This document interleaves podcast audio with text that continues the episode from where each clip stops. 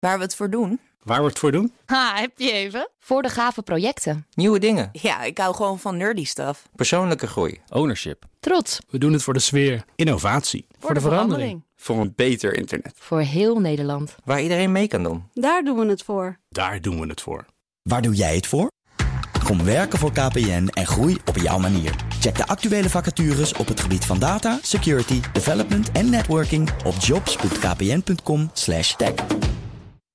BNR Digitaal wordt mede mogelijk gemaakt door Orange Cyber Defense. Orange Cyber Defense. Build a safer digital society. BNR Nieuwsradio. Digitaal. Herbert Blankenstein. Welkom bij BNR Digitaal. We beginnen met een verhaal dat op dit moment nog volop in ontwikkeling is. De hack op softwarebedrijf SolarWinds. Hackers, naar verluid zijn dat Russische staatshackers, wisten via software-updates van het bedrijf achterdeurtjes te plaatsen in de systemen van zeker 18.000 klanten. Waaronder een aantal Amerikaanse ministeries en gezondheidsinstituten. Bij ons is Ricky Gevers, cybersecurity expert bij Bitdefender. Zeker 18.000 klanten um, ja, hebben ermee te maken, maar um, hoe, hoe erg zijn die er aan toe? Zijn daar ook data gestolen? Vertel eens.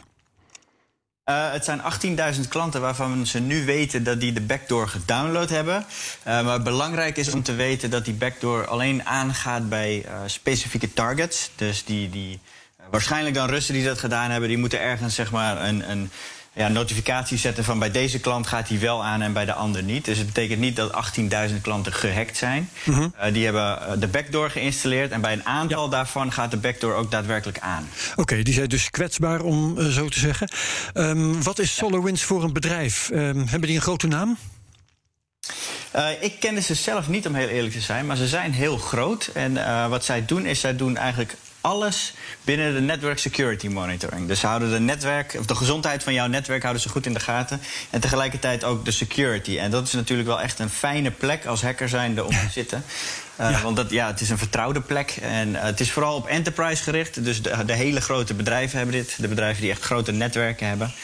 Uh, daar draait deze ja. software. Ja. En als je kijkt naar de Amerikaanse slachtoffers, waarvan we weten dat die geïnfecteerd zijn, of dat die in ieder geval last hiervan hebben, dan zijn dat ook echt de grote jongens allemaal. Ja, zijn er Nederlandse slachtoffers? Uh, ik heb zelf uh, nog geen Nederlandse slachtoffers hier tussen gevonden. Maar wat we weten is dat uh, die backdoor die mimikt internetverkeer. En een gedeelte van het internetverkeer doet hij na alsof hij in Europa is. Dus je kan ervan uitgaan dat er ook Europese slachtoffers zijn. En ja, laten we eerlijk zijn, als, als die Russen zo'n positie hebben binnen een bepaald netwerk.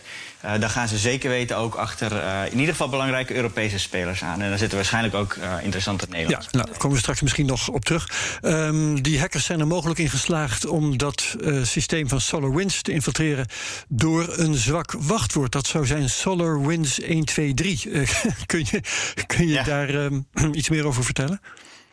Ja, dat, dat is een classic. Het is niet duidelijk of, dit, uh, of ze daadwerkelijk op deze manier zijn binnengekomen. Dit is een onderzoeker geweest die heeft uh, de producten van SolarWinds zeg maar, een beetje getest. En die kwam erachter dat dit wachtwoord werkte voor de update server. Dus het, in theorie ja. zou dit de manier kunnen zijn inderdaad dat die hackers binnen zijn gekomen.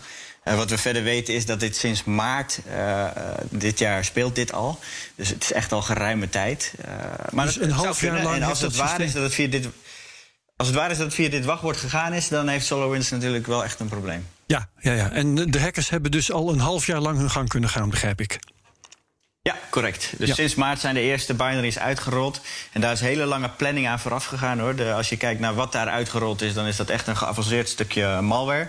Uh, van deze groep overigens, die ze Cozy Bear noemen, of APT29, is bekend dat dit echt extreem geavanceerde hackers zijn. En uh, hiervan weten we ook dat die echt heel goed in het maskereren zeg maar, zijn van, van het internetverkeer. Dus het niet opvallen. En echt een typische spionagegroep. Uh, dus dit Ja. is goed voorbereid en in maart hebben ze het uitgerold. Ja, en het is een Russische groep. Je noemt ze al Cozy Bear. Ehm, Hoe weten we dat zij erachter zitten? Uh, ja, nou, dit zijn statements die komen van Microsoft en FireEye. Uh, ik kan dit zelf niet controleren natuurlijk, dus ik weet niet allemaal wat zij precies weten. En dit zijn verder vertrouwde partijen hierin, dus uh, ik ben geneigd om die partijen daarin te geloven. Ja. En als je overigens kijkt naar die backdoor, er is een heleboel bekend over die hackgroep uh, Cozy Bear. En een van de dingen die zij doen is vaak via plaatjes communiceren. Dus dan hebben ze een, een PNG of een, of een hoe noem je dat, een JPEG-file. Ja. En ja, daarin verstoppen ze de data. Dus jij denkt dat je gewoon een plaatje ziet, maar eigenlijk zit er in dat plaatje zit er allerlei informatie. Steganografie. Correct, dat wilde ik net gaan zeggen. En uh, dat is wat ze ook hier hebben toegepast. Ja. En uh, nou, steganografie is redelijk bekend. Een heleboel mensen kennen dat. Maar er is eigenlijk maar één groep die dit eigenlijk heel vaak toepast. En dat is precies uh, Cozy Bear. Waar kennen wij ze van? Ja. Van wat voor eerdere acties? Uh, nou, Cozy Bear is eigenlijk een hele grote spionagegroep. Wat ik al zei, dit is echt de top, uh, topspelers in de wereld zijn dit. We hebben ook Fancy Bear, die kennen we bijvoorbeeld van de Amerikaanse verkiezingen die gehackt werden in, in 2016. Mm -hmm. Uh, wat we toen hebben gezien is dat Cozy Bear in diezelfde netwerken zit. Maar wat ik al zei, echt spionage doen zij. Dus zij maken niet heel veel kapot. Zij willen eigenlijk overal ongezien zitten en een beetje mee zitten luisteren. En uh, nou ja, dat lijken ze ook hier gedaan te hebben. Van deze groep is trouwens ook bekend dat ze bijvoorbeeld vaak in ministeries hier in Europa zitten. Oké. Okay. En dan worden die ministeries vaak niet bij naam genoemd. Maar we weten wel dat die ook uh, door die groep geïnfecteerd zijn. Ja, en weten we nu ook, nu dit dan aan het licht is gekomen, wat voor informatie ze binnen hebben weten te hengelen? Nee, dat is nog niet helemaal duidelijk. Uh, dat moet de komende dagen denk ik ook naar voren komen. Ook is nog niet helemaal duidelijk hoe lang dit nu precies bekend is. Het lijkt erop dat FireEye dit ontdekt heeft en aan de grote klok zeg maar, gehangen heeft. En uh, ja, dat de was nu langzaamaan uh, zeg maar, een beetje tevoorschijn begint te komen. je ziet ook dat we vooral nu nog weten van Amerikaanse bedrijven die slachtoffers zijn. maar het is natuurlijk niet zo dat deze groep alleen op Amerika focust. Dus ik denk dat de Europese slachtoffers ook nog één voor één naar buiten moeten gaan komen. Ja, ja, ja. de veiligheidsadviseur van de Amerikaanse regering, hij heet Robert O'Brien die heeft bezoeken aan het Midden-Oosten en Europa afgezegd door deze affaire. Wat zegt dat? Wordt hoog opgenomen? Ja, een van de details die we weten is dat ze. Ik weet eventjes niet meer exact welk ministerie dat is. Maar een ministerie in Amerika, daar weten ze in ieder geval van dat ze echt e-mails hebben mee zitten luisteren en mee zitten lezen. Uh, dus dat wordt echt een grote zaak en daar moet blijkbaar ingegrepen worden. Uh, dus het wordt goed uh, of hoog op de agenda in ieder geval neergezet op dit moment. Ja, ja, ja. Um, Tweakers heeft intussen gemeld dat uh, enkele honderden bedrijven die in Nederland die software hebben gebruikt. Um, maar jij kunt dus nog niet bevestigen of, de, die er ook inderdaad, of die ook inderdaad informatie kwijt zijn. Ja, wat ik kan zeggen is dat uh, ik, uh, uh, die malware gebruikt een, een, domain generation algorithm. En daarmee wordt in feite een domein gegenereerd dat specifiek voor dat target is. En je kan dus de domeinnaam of het bedrijf eigenlijk daar uithalen wat daarin zit. Nou, staat er online staat er een lijstje met bedrijven, of tenminste met gehashte namen dan die target zijn geweest. Nou, die heb ik gedecrypt. Daar heb ik nog geen Nederlands bedrijf tussen kunnen vinden. Uh, maar de, ja, de, de, de, de, tijd zal het leren in feite. Ja. Uh, een van de bedrijven die je daar wel tussen ziet staan is bijvoorbeeld Cisco. Nvidia zie je daar tussen staan. Dus de, wat grote ja, Amerikaanse spelers. Uh, en ja, tijd, time will tell, zeg maar. Ja, wat is de functie dan van die domeinen? Wordt daar de informatie naartoe gedownload die ze weghalen bij zo'n besmet bedrijf? Uh, nou, het is eigenlijk een soort van eerste check. Dus wat die Russen doen is, die, die hebben, uh, zeg Nvidia op het oog. Dan genereren ze dus een domein voor specifiek Nvidia. Die malware die dan bij Nvidia binnen zit, die gaat alleen naar dat domein connecten. Dus dan weten ze dat ze specifiek die computer hebben op dat moment. En achter dat domein zetten ze vervolgens een nieuw domein. Dat domein registreren ze ook nog eens specifiek voor dat bedrijf. En vervolgens gaat die malware naar die ene server toe verbinding maken. En wat ze heel slim hebben gedaan, is dat ze die servers ook uh, specifiek in dat land of dicht bij dat bedrijf in ieder geval gezet hebben, zodat het niet echt opvalt. Uh, wat daar gebeurt. Dus zo'n ja. bedrijf ziet dan niet ineens een, een, verbinding naar Rusland toe, zeg maar. Ja. Maar Washington... een lokale verbinding in feite. Ja, ja, ja. De Washington Post meldt intussen dat twee grote aandeelhouders vlak voor het uh, bekend, werden van, uh, bekend worden van deze hack voor 280 miljoen dollar aan aandelen hebben verkocht. Aandelen in SolarWinds. geloof jij een toeval? Ja, ik vind dit altijd hele mooie gossip-verhaaltjes natuurlijk. Ja. Uh, het is natuurlijk wel zo dat die aandeelhouders, voordat ze iets kunnen verkopen, dan moeten ze maanden van tevoren moeten ze daar allerlei oh, ja. brieven voor indienen. Uh, dus dat zal niet zo snel gaan. Nee, die tijd uh, hebben ze wel het wel zo dan is het natuurlijk een groot schandaal. ja. Dus, dus we gaan het zien. En overigens is de, de CEO is ook recent vervangen. Dat is ook een prachtig verhaal, vind ik dat. En die is vervangen door de CEO van Pulse VPN. En volgens mij heb jij wel eens in het verleden uitzendingen ook over Pulse VPN gedaan. Dat is namelijk VPN-software die ook behoorlijk kwetsbaar is geweest oh ja. de afgelopen ja. periode. Dus uh, of ze een goede ruil hebben gedaan, dat weet ik niet. Maar ze hebben in ieder geval iemand nu aan de top zitten met veel ervaringsdeskundigen. Ja, um, nou wil ik nog graag weten. Stel dat je klant bent van SolarWinds, er zijn er dus wel een paar, ook hier in Nederland. Wat moet je doen, stel dat je besmet bent, om te voorkomen dat je informatie kwijtraakt? Kan dat nog? Nou, dat, dat is al te laat, denk ik. Wat die, uh, wat die spionnen doen natuurlijk is, zodra ze binnen zijn, alles pakken en uh, meteen naar buiten toe sluiten. Maar kun je nagaan of je informatie bent kwijtgeraakt? Ja. Dat is ook belangrijk. Ja, er is één specifiek domein. En ik weet hem even niet uit mijn hoofd hier, zo, maar dat kun je makkelijk uh, opzoeken. Als jouw bedrijfsnetwerk uh, ooit verbinding daarmee heeft gemaakt, dan weet je dat je in ieder geval die backdoor gedownload hebt. En als je verder onderzoek gaat doen, uh, kan je erachter achter komen of er vervolgens ook vanuit dat domein geconnect is naar een ander domein. En daar naartoe is dan mogelijk die informatie weggesluit. Oké, maar dan moet je dus wel even een goede IT erop zetten, zo te horen. Ja, en het vervelende hiervan is dat dat domein niet generiek is. Dus voor ieder bedrijf is er een ander domein. Okay. Maar het begint bij één heel specifiek domein. En je wilt natuurlijk die backdoor ook kwijt. Hoe doen we dat? Um, ja, dat ligt, is heel specifiek per bedrijf ook weer hoor. Okay. Maar op dit moment weet je dat uh, de Windows uh, antivirus software... die zijn allemaal geüpdate en die verwijderen die bestanden automatisch. Het vervelende blijft echter dat dit dus een spionagegroep is. Uh, die kunnen hun eigen tools weer overal geïnstalleerd hebben. En wat we ook weten is dat ze heel vaak zoveel mogelijk legitieme credentials van zo'n bedrijf stelen. Zodat ze achteraf via een legitieme manier weer in het bedrijfsnetwerk kunnen komen... zonder dat het iemand opvalt. Okay, dus je hebt een serieus probleem als je ja. erachter komt dat je gehackt bent. Ja, nou, laten ik denk we dat dat de beste omschrijving Bij die vaststelling dan uh, laten. Veel optimistischer dan dat wordt het denk ik niet vandaag. Dankjewel, Ricky Gevers, cybersecurity expert bij Bitdefender. Blijf er nog even bij voor het vervolg. BNR Nieuwsradio. Digitaal. Stel je auto wordt door de politie in beslag genomen, maar op het navigatiesysteem staat nog allerlei persoonlijke informatie. De auto wordt vervolgens, na een beslissing van het Openbaar Ministerie, door domeinen roerende zaken, ook wel genoemd DRZ, verkocht. En de data komt in handen van de koper. Daar gaat je privacy. Er moeten goede afspraken komen om dat tegen te gaan, vindt de Nationale Ombudsman. Daar gaan we over praten met Eva de Vries, advocaat en partner bij Solv. In het verhaal spelen drie partijen een rol: de politie, het OM en domeinen. Wat is de rolverdeling tussen die drie? Nou, als ik het lees in het uh, onderzoek van de, uh, van de ombudsman, dan is het uh, de politie die neemt een beslag. Vervolgens beslist het OM wat ermee moet gebeuren met het object dat in beslag is genomen. En domeinen die neemt het in bewaring. En zodra het OM beslist dat het vervreemd kan worden, dan laat het OM dat weten aan domeinen en kan domeinen het vervreemden. En vervreemden is in normale mensentaal verkopen? Verkopen, ja, overdragen aan, aan een ja. derde.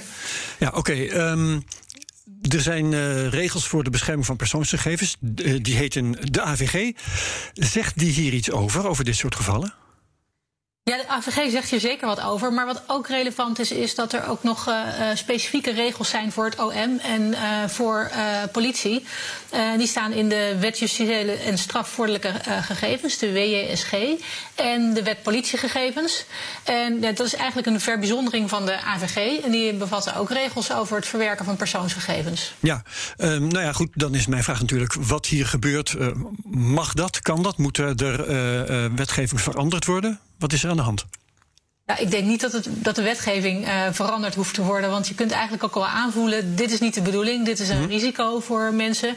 Uh, dit, zeker de beslagene, dat is iemand die waarschijnlijk in aanraking is geweest met een uh, strafbaar feit. Uh, en daarvan komen de gegevens dan op straat te liggen. Um, dat kan niet volgens de AVG, maar ook niet volgens de bijzondere wetgeving. En natuurlijk ook niet gewoon volgens de grondwet. Je hebt een ja. grondrecht op privacy. En dan is de vraag: wiens schuld is het? Ja, en dat is een hele lastige. En dat is ook uitgebreid aan het bord, bod gekomen bij, bij, uh, ja. bij de ombudsman.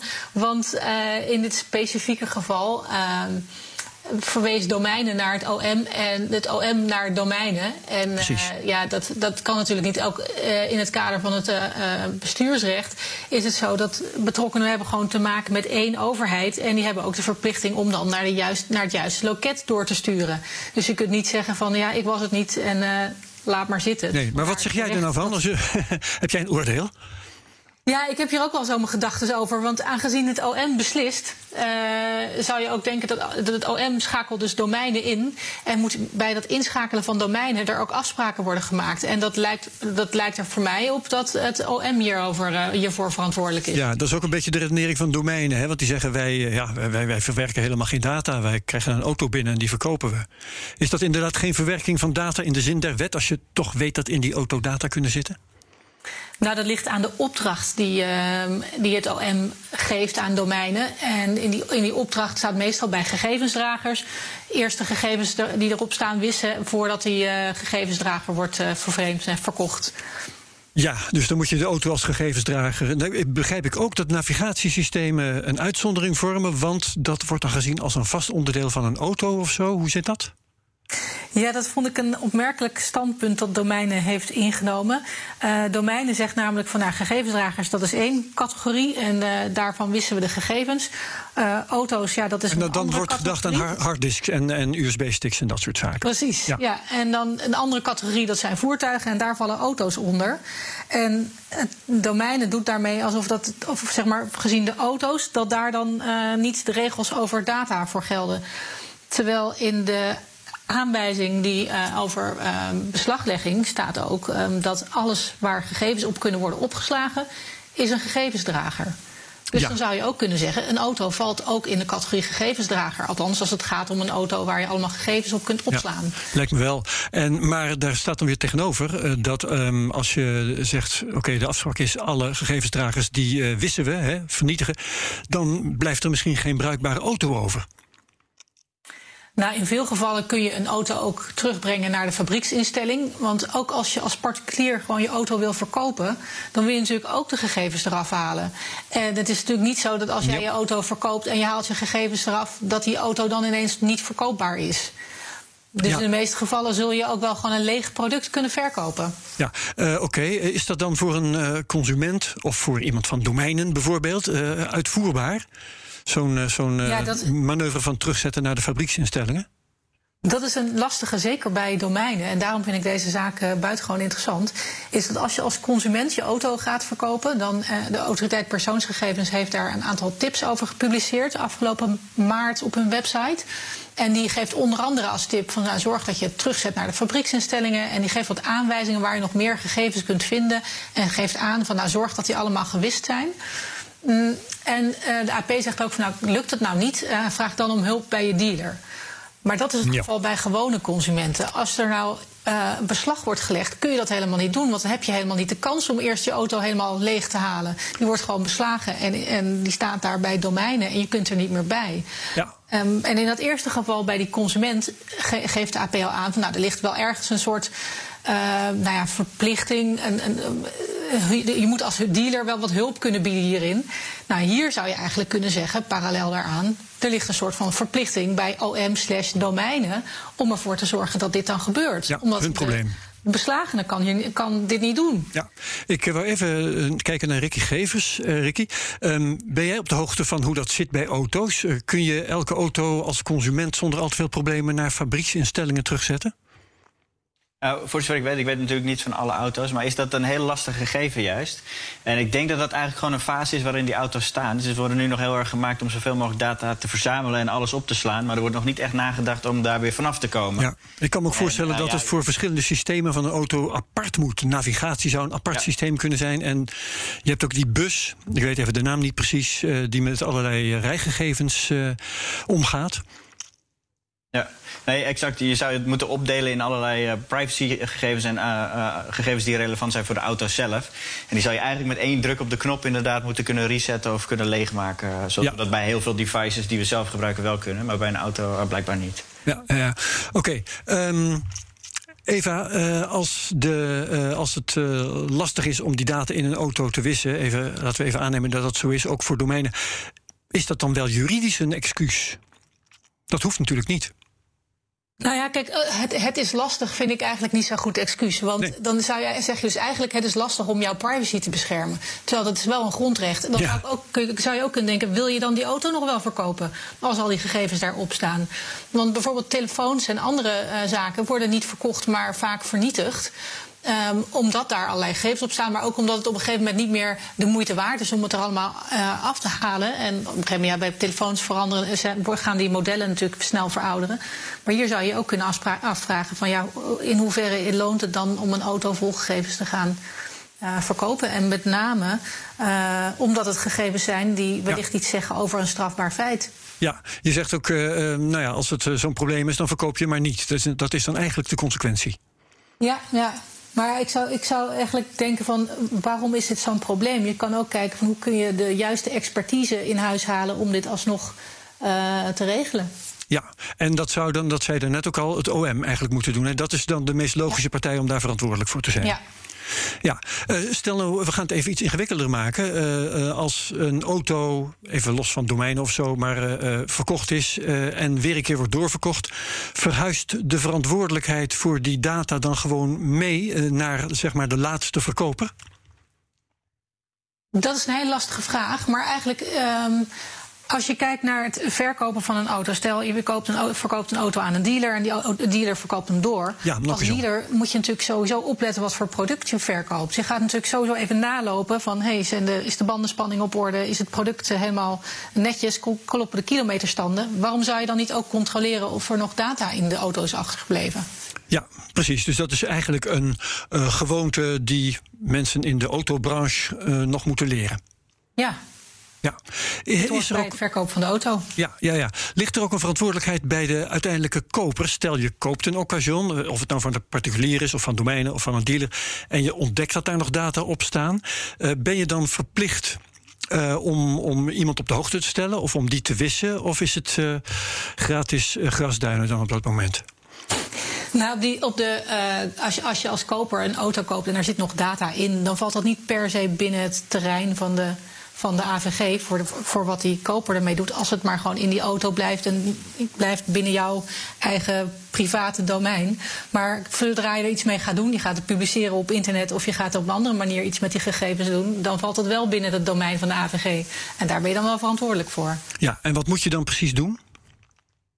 Um, nou, als je er zelf achter komt dat er nog gegevens staan van de vorige eigenaar, um, dan raad ik aan om alsnog die gegevens te wissen.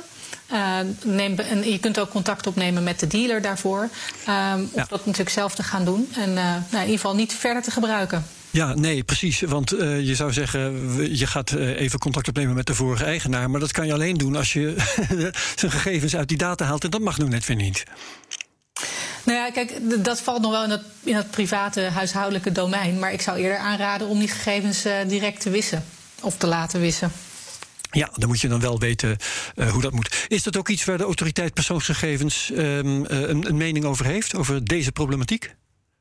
Nou, de autoriteit persoonsgegevens heeft, een, uh, heeft tips gepubliceerd over wat moet je doen bij de verkoop van je, van je auto.